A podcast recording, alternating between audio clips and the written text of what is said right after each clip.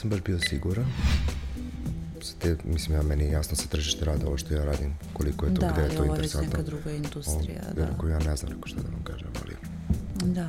E, dobrodošao Miloše u naš podcast Kako si na poslu sa Anom i Vesnom. E, prvo da te predstavimo, Miloš Turinski dolazi iz kompanije koja na jednom mestu, ajde ja ću tako da kažem, okuplja i poslodavce i radnike i ja ga često zovem kada mi treba pomoć i oko sagovornika i oko podataka i oko oglasa. E sad, ovako da te pitam za početak, kako se ti danas osjećaš? Hajde prvo to. Prvo dobar dan i bolje vas našao i meni je uvijek zadovoljstvo da sarađujem sa vama. Evo, malo smrznuto, ali sad se ugrevam, pa će to biti Jeste lepo. hladno da, i da. napolju, katastrofa, bukvalno. Ali, ovaj, htjela sam malo pristati samo da napomenem da ste vi kompanija koja, koja, se, koja vrlo prati tržište i trendove. E sad ono što se u svetu dešava, mi smo isto privatno često pričamo o tome, to je pojam velike ostavke ili takozvani samovoljni otkaz. Šta ti znaš o tome i je li moguće da se taj trend prelije u Srbiji? Jer, jer se pojavljuje, kako je tvoje iskustvo prema... Pa prvo mi moramo da pratimo trendove i želimo sa druge strane, baš iz tog razloga kao što si navela, da uh, okupljamo s jedne strane i poslodavce i kandidate. Znači obe ciljne grupe su kod nas na sajtu i jako je bitno da se i poslodavcima sa jedne strane predstave novi trendovi, a sa druge strane i da se kandidati upute u to šta se dešava na tržištu rade, naravno Srbije kada pričamo. Uh, kada pričamo o toj velikoj ostavci koja je, o, pri, o njoj se priča već pa dobrih pa, sad, da.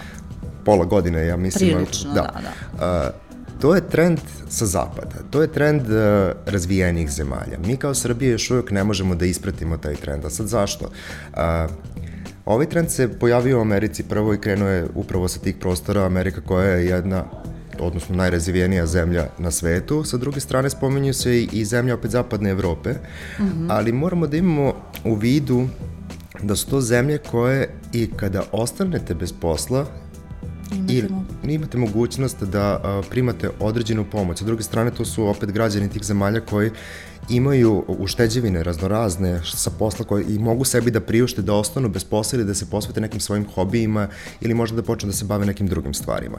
Tako da što se tiče naše zemlje, Srbije same po sebi, jesmo mi na dobrom putu, naše tržište rada jeste da se razvije u dobrom pravcu i da postoji sada veće mogućnosti izbora, ali mi smo i dalje daleko od toga da naši građani imaju, da kažemo, tu mogućnost da tek tako ostave posao na komsu i da se posvete sebi.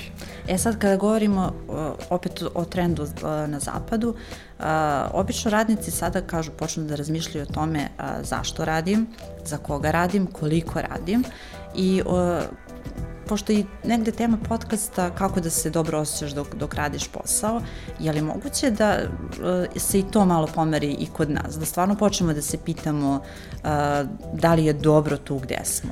Apsolutno. Da biramo, da imamo mogućnost tog izbora, da vidimo da li... Apsolutno, evo ako, ako mogu da krenem od kraja i ta, tog mogućnost mogućnosti generalno izbora. Sa porastom oglasa za posao koji imamo, stvarno imamo veliki rast, pogotovo nakon pandemije, evo sad prethodne godine 2021. I sa većim mogućnostima vi ćete imati veću mogućnost izbora. I nećete želiti da radite kod svakog. I birat ćete ono što vam najviše odgovara ili što vam najviše leži.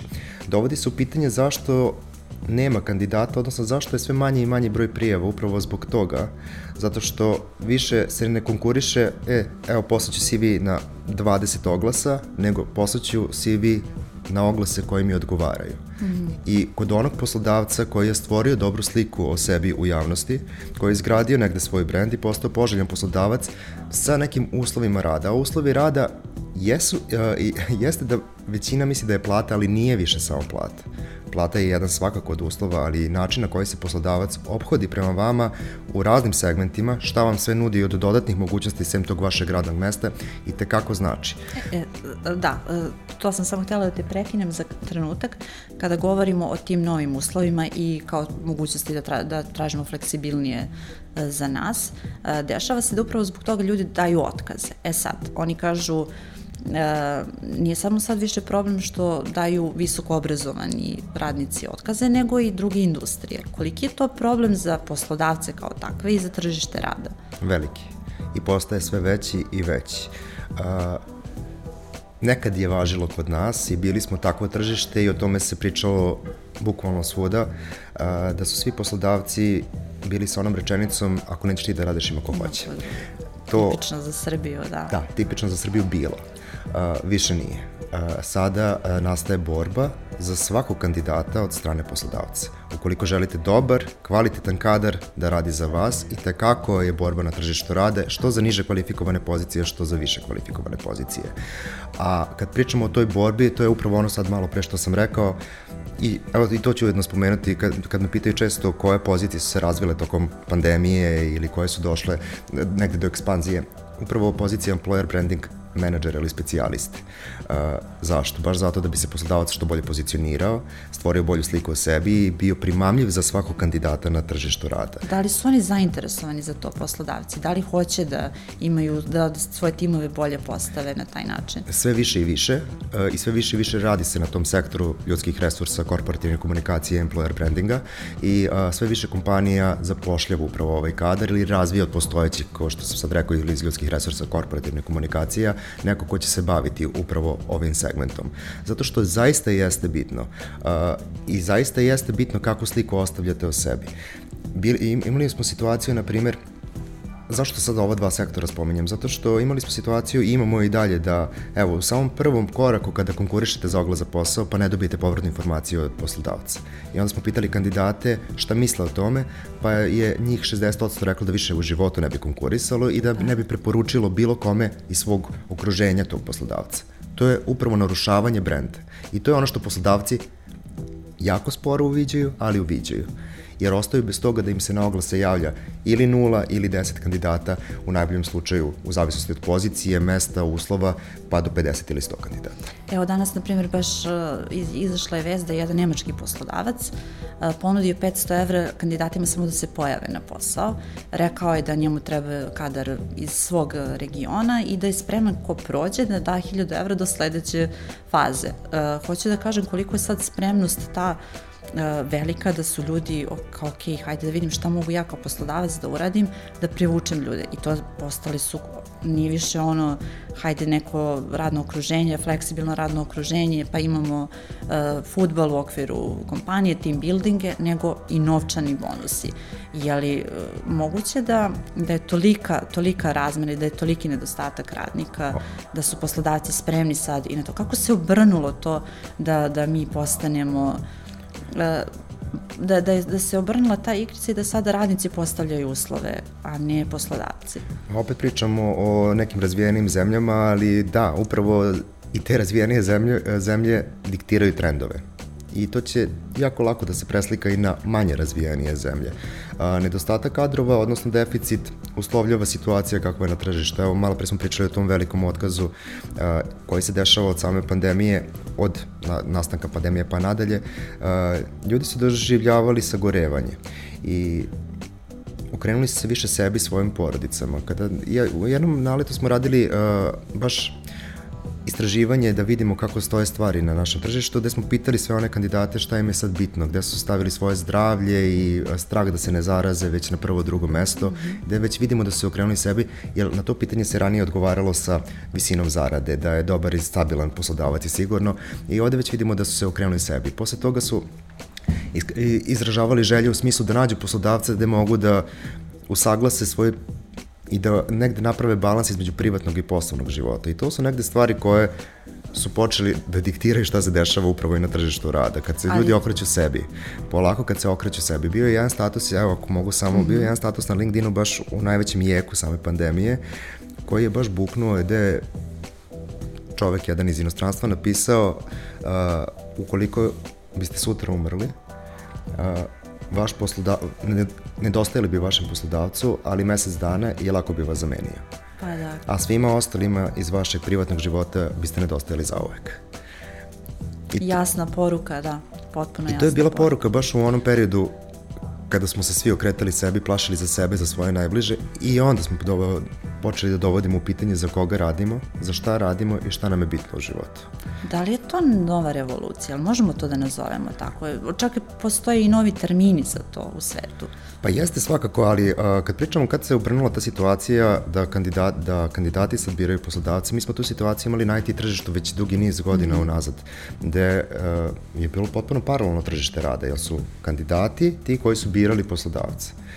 I poslodavci su jurili za, zapravo za kandidatima i utrkivali se ko će da bude bolji kandidat, odnosno kad pričamo obrnuto, za tog IT-evca programera. Tako. I eto, desilo se zapravo, dešava se sad i na, uh, i na drugim segmentima.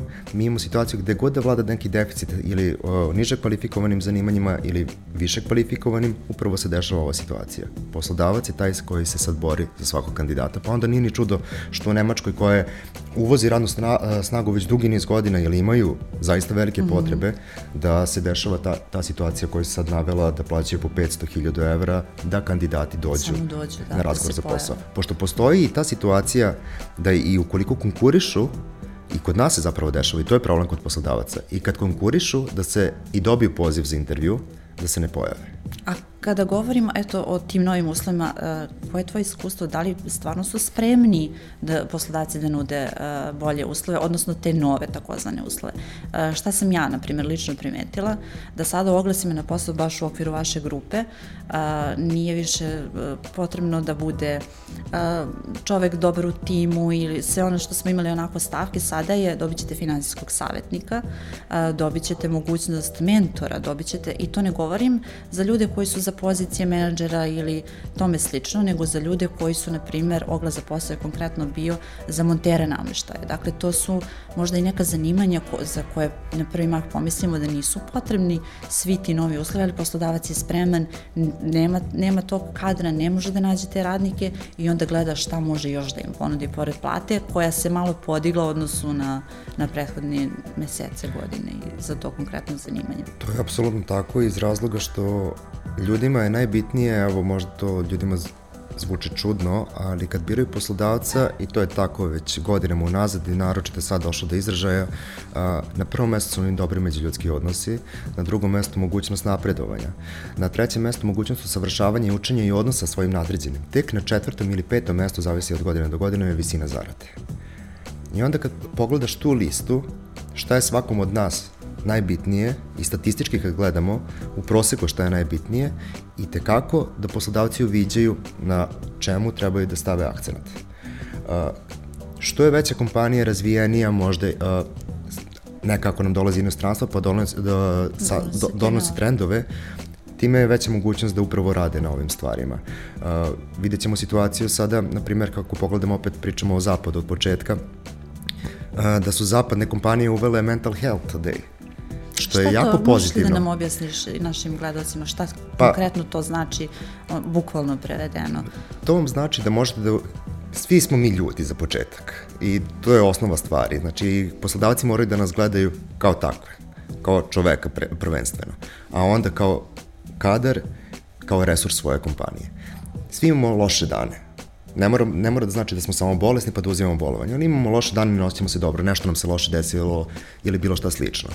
Poslodavac dozvoljava s tim mental health day uh, da uzmete dan za sebe, dan, dva, da odmorite jednostavno ako želite da gledate da odmorite, da gledate u plafon, da gledate u plafon, ali ono samo da, uh, da vam bude dobro, da se resetujete i da možete da dođete... To nam je svima potrebno, svima. Apsolutno, zato, da... zato sam rekao od početka, svi smo mi ljudi i svi imamo loše dane.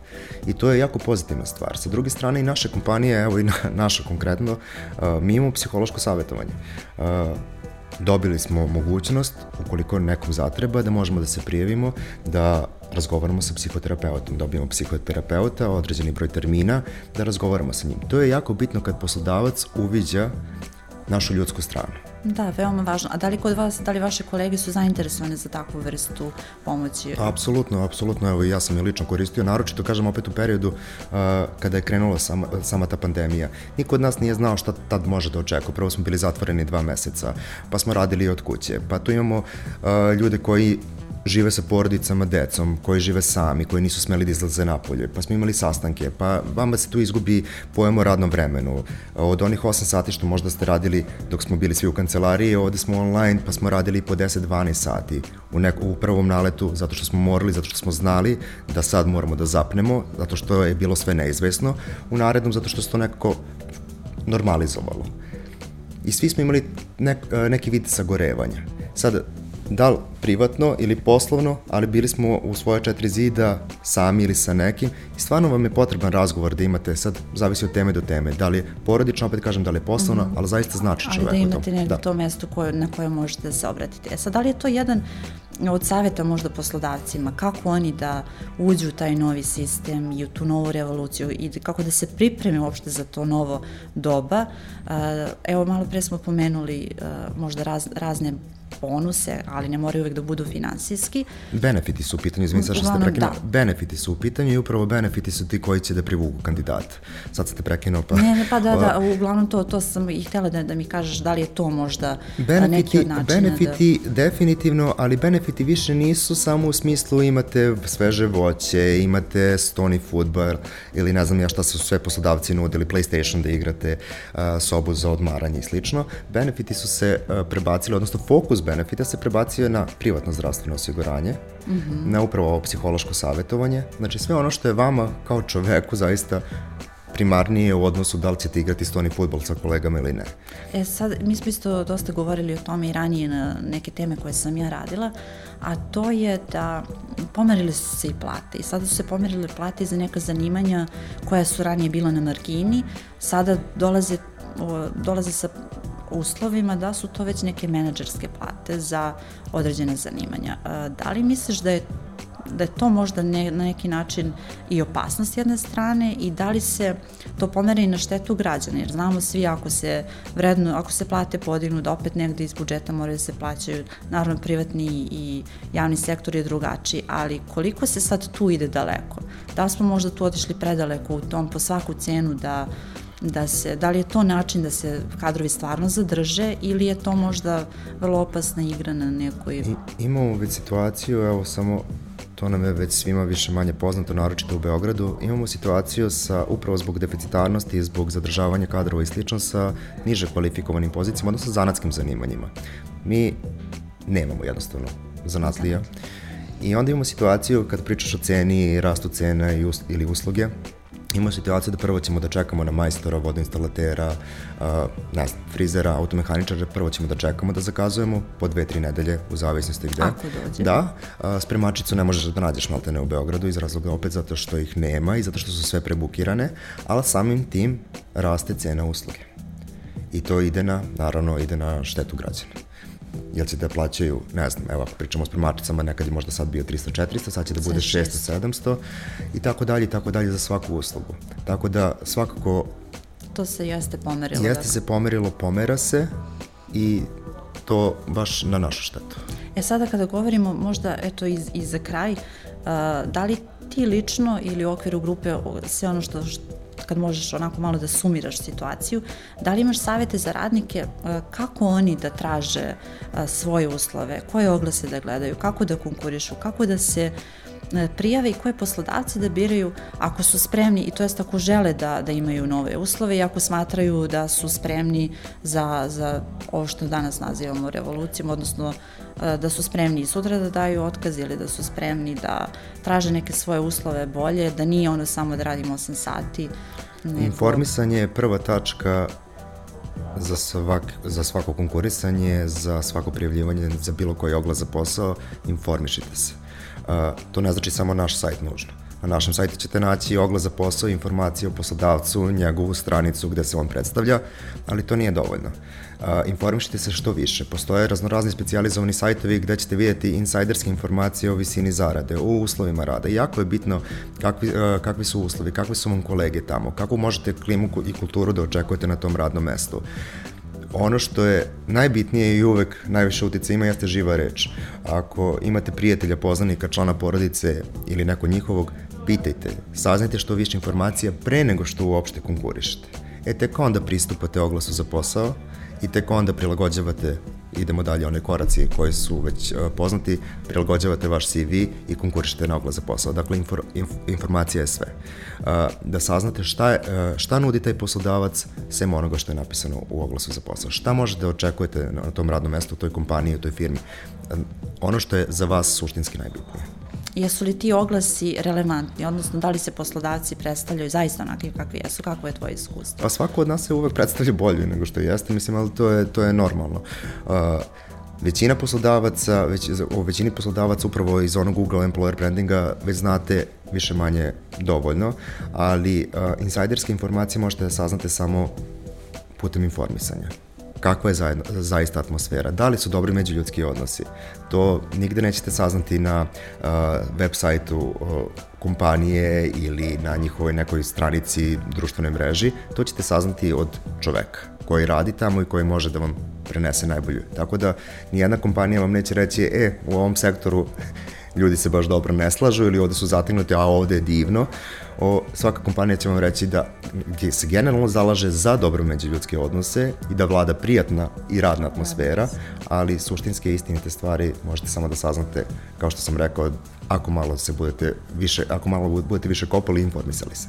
E, ja ću samo još jedno za kraj, više te ovaj, e, neću pitati oko toga. Kada govorimo o svim podacima ko, koje e, imaš, e, koje su to top 3 ili do 5 zanimanja u Srbiji trenutno, a kada spojimo sve o čemu smo pričali, naravno taj IT sektor je uvek onaj koji vuče yes. sve, ali šta bi ti izdvojio kao nešto prema poslednjim podacima koje imate, a da se pokazalo kao najtraženija zanimanja? Kod nas je situacija na našem tržištu, bez obzira na pandemiju i sad ovo sve što smo pričali, već godinama kod nas vlada, vlada taj trend da je sektor trgovine i prodaje, odnosno mesto, mesto prodavca ili trgovca, pa i komercijalnog radnika, najtraženija i od strane poslodavaca, a sa druge strane i od strane kandidata negde je najveća fluktuacija tu i uh, najviše se s jedne strane konkuriše, sa druge strane se najviše i traži.